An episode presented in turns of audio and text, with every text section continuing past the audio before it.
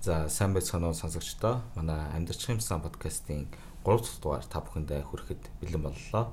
За өнөөдөр special host-оор манай эхний дугаарын зочин Тэнүн Жаргал манай оролцож байна. За сайн уу Тэнүн ээ? Хай. За өнөөдөр доктортой зорилгын хүрээнд чанартай боловсрал гэж юу вэ гэсэн сэдвээр манай хост бол үндсэн хост бол Ану хүчнтэйгээ ярилцахад бэлэн болсон байна. За сайн уу Ану? За сайн уу? Аа подкастынхаа хост бол хийдэг. Тэгээ энэ одоо өөрөө зочноор оролцоод чанартай боловсролын тухай ярих гэж байна. Жохон сонирн байна. Хост хийдэг хүн. За чанартай боловсрол ярихын өмнө за боловсрол гэж яг юу юм бэ? Аа за боловсрол гэдэг нь ерөнхийдөө болохоор ямар нэг ур чадварыг эзэмсэн байх буюу хүн бүрийн өдөр тутмын амьдрал насан туршид нөлөөлөх үндсэн эрх хүний хөгжлийн тулгуур зүйл юм а. Тэгээд энэ болохоор хүн болгонд заавал олгогдох ёстой олгогдох эрхтэй ийм зүйл байгаа. Жишээл нөгөө нэг суур боловсрал олгох гэд байдаг ч хүн болгон суур боловсралыг эзэмсэн байх шаардлагатай гэдэг. Нийт бүхний тийм боловсрал гэдэг тийм. За тэгвэл сэдвийн сэдв болох чанартай боловсролын тухай ярьж өгөөч. За ер нь аль чанартай боловсрал гэдэг нь зөвхөн миний хувьд нөгөө нэг одоо ихтэй сургууль болон 10 жил тэрийг эзэмшүүлж байгаа багш боловсон эзэмшүүлж байгаа багш нар нь өөрөө чанартай байх хэвээр тэгжээж боловсрал чанартай болно. За чанартай боловсрал гэдэг нь ерөөдөө тухайн боловсралыг эзэмшээд бид нар ямар нэг юм хийж бүтээж чаддаг л басан байх шаардлагатай хэлнэ. Одоо математик хичээл тоо бодож сурсан бол тэрийг амьдрал дээр хэрэгжүүлэх их сургуультаа 4 жил мөнгө төлөөд сурсан бол тэрийг ажил дээр гараад хийж чаддаг байх. Тэрийг хинээс санаа зовлгүй хийж чаддаг эзэмсэн за би ийм боловсралтай хүн шүү гэж одоо нүүр бардан байхаг ерөөдөө бол чанартай боловсрал гэж хэлж болно. Тэгээ бид нар 10 жилдээ ч гэсэн ярьдаг байсан нэг юм яриад гэсэн дээ. Одоо энэ математикийн томьёогоор яг амьдралаа авч явах юм уу гэд. Тэр тал дээр яг таны одоо манай анугийн бод санаа ямар байдаг вэ? Ер нь бол би бас тэгж боддог байсан. Математикийн томьёогоор амьдралаа авч юм уу? Яагаад бид нар энэ логарифм ч юм уу тригонометрийг бодоод байгаа гэж боддог байсан. Гэхдээ математик бол бүх шинжлэх ухааны суурь. Ягаад гэх юм бол математикийг хүн бодож дахиад зовааснаар хүний сэтгэх чадварт хилдэг. Тэгээд дээрэс нь а багш нар хэлдэг та нар ингээд дэлгүүрт ороод юм тооцоолгоод ингээд их сургуульд орсон ч та нар математик хэрэгтэй гэд ер нь бол ярьдаг. Тэгээд хуулийн сургууль зорж байгаа ч гэсэн стил яг математик бас бидэнд хэрэгтэй байсан юм байна гэдгийг бол мэдэж байна. За. Тэгэхээр э, түрүүнд дурдсан доктортой хөгжлийн зорилтод энэ чанартай боловсролын тухайд юу гэж дурдсан байт юм болоо? За, ерөөдөө бол 11 зорилтыг бол тусгасан байдаг. 2030 он гэхэд ингээд чанартай боловсролыг бид юм болгоно гэдэг За жишээлх юм бол а бүх эрэгтэй эмэгтэй хүүхдүүд нь үн төлбөргүй тэгш чанартай баг болон дунд чатны боловсролыг эзэмшиж холбогдох үр дүнтэй эрдэм мэдлэгтэй болсон байх шаардлагатай буюу нөгөө хүүсийн гендрийн ялгаагүйгээр бид нэр боловсролыг эзэмшүүлнэ гэдэг асуудал гарч ирж байгаа. За ерөнхийдөө бол нөгөө одоо социализмыг тэгдэг гэсэн шүү дээ. За эмэгтэй хүүхдээ сургууль чи за эрэгтэй нэг нэг ажил төрөл хийгээд тэгээ явчих юм байлгүй гэдэг ойлголтыг ерөөдөө бол халнаа эрэгтэй эмэгтэйгөө бид нар боловсрал эзэмшнэ. Тэ эсвэл эрэгтэй хүмүүс болохоор юм IT чиглэлээр сурдаг эмэгтэй хүмүүс тоогоо хийдэг үгүй. Энэ бол а бүх хүнд тэгш байх хэвээр зүйл юм а боловсрал нь гэдгийг бол энэ дээр зорилт олгож байгаа. За тэгээд 2030 он гэхэд бүх эрэгтэй эмэгтэй хүүхдүүдийн бага боловсрал бэлтгэж бага насны хүүхдүүдийн хөгжүүлэх чанартай үйлчилгээ тусламж сургуулийн өмнөх боловсралаар хангах буюу нөгөө нэг цэцэрлэгт сурж байгаа хүүхдийн эрүүл мэнд сэтгэх чадвар нийгэм сэтгэл зүйн хувьд төлөвшөлт нь анхаарна гэсэн үг. За тэгээд хямд үнэтэй чанартай техникийн болон мэрэгжлийн дээд боловсрал түүн дотор ихтэй сургуулийн боловсралыг тэгш бол тэгш байдал бүрдүүлэх хувийн бизнес эрхлэх холбогдох ур чадвартай түүний дор техник мэрэгжлийн ур чадвартай залуучууд насан туршидтын тоог нэмэгдүүлэх буюу одоо яг Монголд их хэрэгтэй байгаа нөгөө инженерүүд тий одоо нарийн мэрэгжил гэж ярьдаг штеп засварчид ч юм уу тийм хүмүүсийг бол нэмэгдүүлэх шаардлагатай. Дээрээс нөгөө IT-ийн чиглэлийг бол нэмэгдүүлнэ гэж ярьж байгаа. Тэгээд мэдээж гендерийн зохистой харьцааг хангана, эмзэг бүлэг түүний дотор тусгай хэрэгцээт хүмүүс аа зэрэгт мэрэгжлийн тэгш байдлыг хүртээнэ. Дээрээс нь бүх эрэгтэй эмэгтэй залуус насан туршид багада бичиг үсэг тооны мэдлэгтэй байх хэрэгтэй буюу бүх нийтээр бичиг үсэгтэй байх шаардлагатай байна. Гээд ерөнхийдөө үүнтэй холбогдох нийт 11 зорилтуудыг бол доор дурдсан байдаг. За Монгол улсын хувьд бол боловсролын чанараараа ерөөдөө гайгүй гэж хэлж болно. Ягаад гэх юм бол Монгол Улсын 98% бичиг үсэг тайлгцсан буюу хинээс ч тасалсан доотлон дөрөвдүгээр ангийн боловсралтай байдаг. Хөдөөний малчин иргэд хүртэл 2% нь юу? 2% нь одоо бүр нөгөө нэг хөдөө гарцсан ч юм уу боловсралгүй хүмүүс аль байхгүй. Тэгвэл одоо ингээд чанартай боловсрал гэж сайн ярьлаа шүү дээ. Тэгвэл одоо чанартай боловсралж байгаа одоогийн бидэнд өгч байгаа боловсралаас юугаараа ялгаад юугаараа илүү байж чадах юм. За ер нь бол чанартай боловсралахаар айгу хүчрхэг зүйл ахгүй юу? Ягаад гэх юм бол судалгаанаас харахад сургууль сурсан жил тус бүр орлогын 10%-аар нэмэгдүүлдэг буюу хүмүүс сургууль сураад мэрэгчлээ болох юм бол орлогын чанар нь дээшлэн буюу амьдралын дээшлэх юм байна. Тэгээд бүгд уншиж чаддаг байсан бол дэлхийн ядуурл 12%-аар бурах байсан. Хүн болгон дэлхий дээр уншиж чаддаг байсан бол бид нэр энэ ядуурлаас 12%-аар дагуур байх нь шүү дээ. Тэгээд аливаа орны хүн амд унтчаар нэг жилээр илүү сургууль сурах юм бол жилийн нэг хүнд ногдох дэйн бэн 2.5%-аар нэмэгддэг. гэж аа. Ер нь бол боловсралтай болчих юм бол бид нэр ингээд юм хийж бүтээгээд чадах юм байна. За ядаж нэг техник технологийн засварчин ч юм уу цахилгаан анзалдаг бол та засварчны ажил хийж болно. Бүр мэрэгчлээ бол та инженер болж болно. Инженер бидний ярьдаг сурсан зүйлийг сураар болж болохгүй гэдэг л. За судалгаанаас үзэхэд бас бүх охид заяо. Дунд ангийн боловсрал эзэмших юм бол хүүхдийг гэрлүүлэх явдал 64%-аар буурдаг. Эрт гэрлүүлэх явдал уу? Тийм. Одоо Монгол за Монголд л арай өөр ах. Африкийн орнуудад 14 настай юм 13 настайд нь гэрлүүлждэг гэдэг нөгөө цэгийн хүмүүс хүүхдүүдээ сургуульд явуулдаггүй охтуудаа 12 таад нүнтийг гэрлүүлчихдэг гэдэг байдаг. А хэрвээ тэр хүүхдүүд сургуульд явчих юм бол тэр хүүхдүүдийн гэрлэл 64%-аар буурах нь байна. За тэгээд бас хэрвээ бүх эмэгтэйчүүд бага ангийн боловсралтай болох юм бол нэг сая хүүхдийн эндэгдлээс сэргийлж чадна боيو. Нөгөө нэг хүүхдийн эрүүл мэндэд юм уу гэдэг. Яагаад бид нар ингээд хүүхдээ ахуулахгүй байх хэвээр. Хүүхэд яаж аж төрхийн гэдгийг хүүхдүүд мэддэг болчих юм бол хүүхдийн эндэгдлээс хамгаалж чадах юм байна.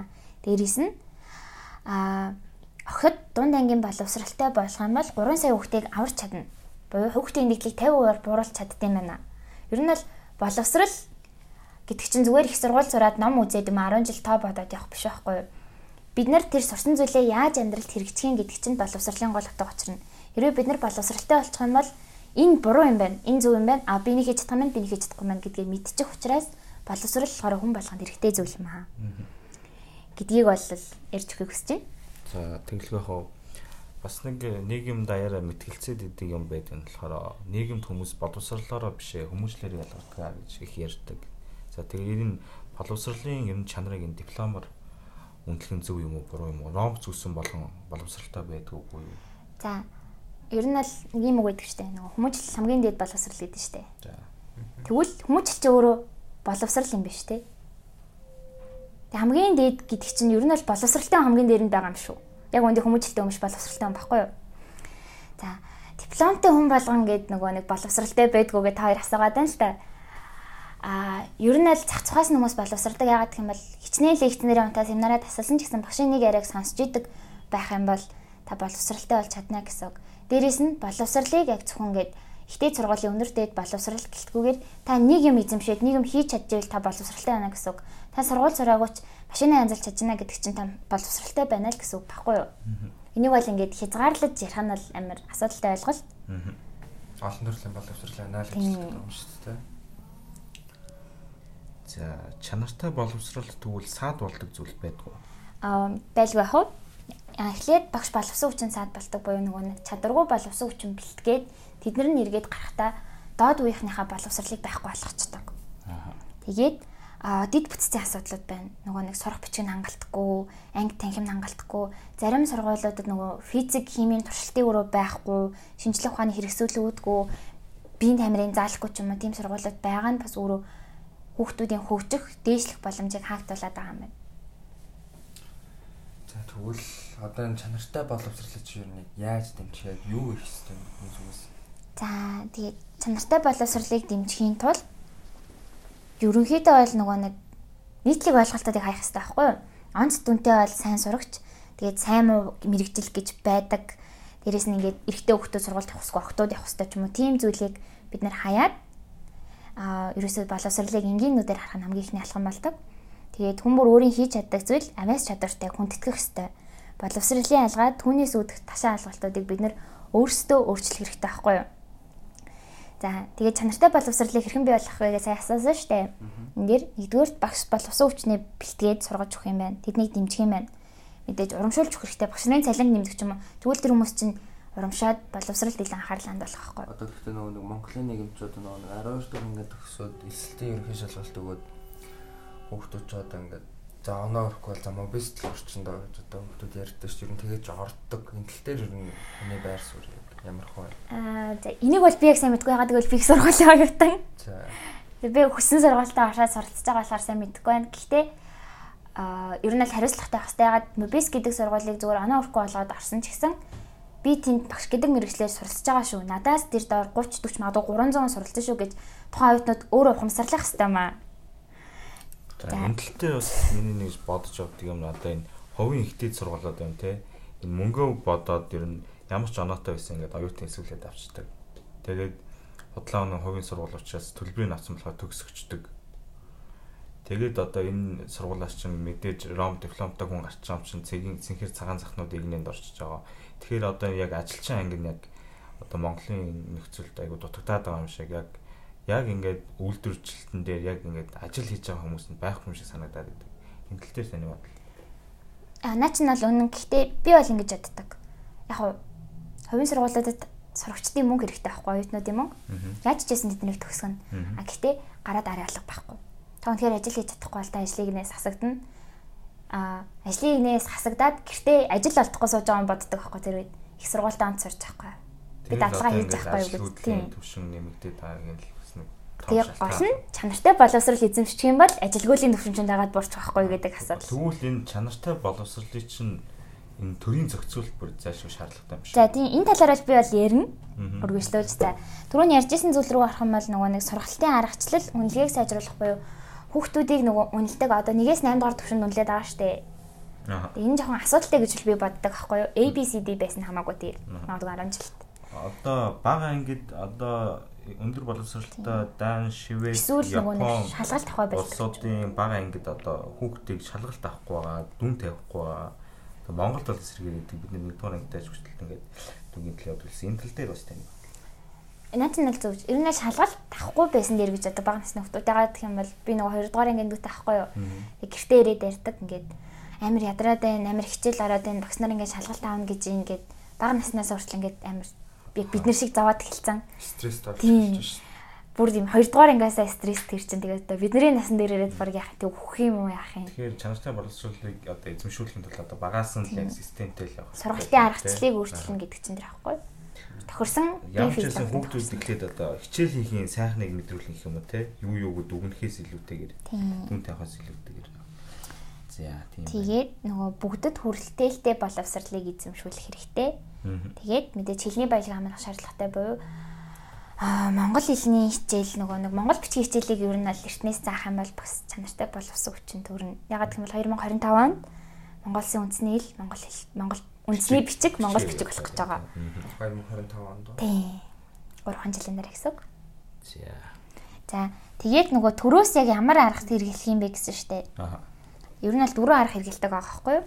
Хэрэглэх юм уу? Одоо хэрэглэж байгаа юм уу? Аа төр сурч боловсрох хэргийг илүүлэх өөрийн үүргээ биелүүлэхийн тулд боловсролын дараах аргуудыг баталгаажуулж хангах ёстой байхгүй юу? За ёстой.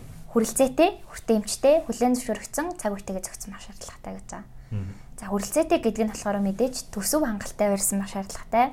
Сургуулийн насны хүүхдийн тоонд харгалцсан сургууль байх буюу нэг ангид 20-25 хүүхэд суралцах хэрэгтэй. Буюу нөгөө нэг тийш хэрэг хангаж штэ олон хүүхдүүд донд ч нөгөө хичээл сурахаа болчихдээ штэ 40 50 ангитай хүүхдүүд нөгөө ард цугаал хүүхдүүд хичээл сонсох байдаг анги танхимд яг сурах хэвээр хүмүүсийн тоог нь суулгах хэвээр.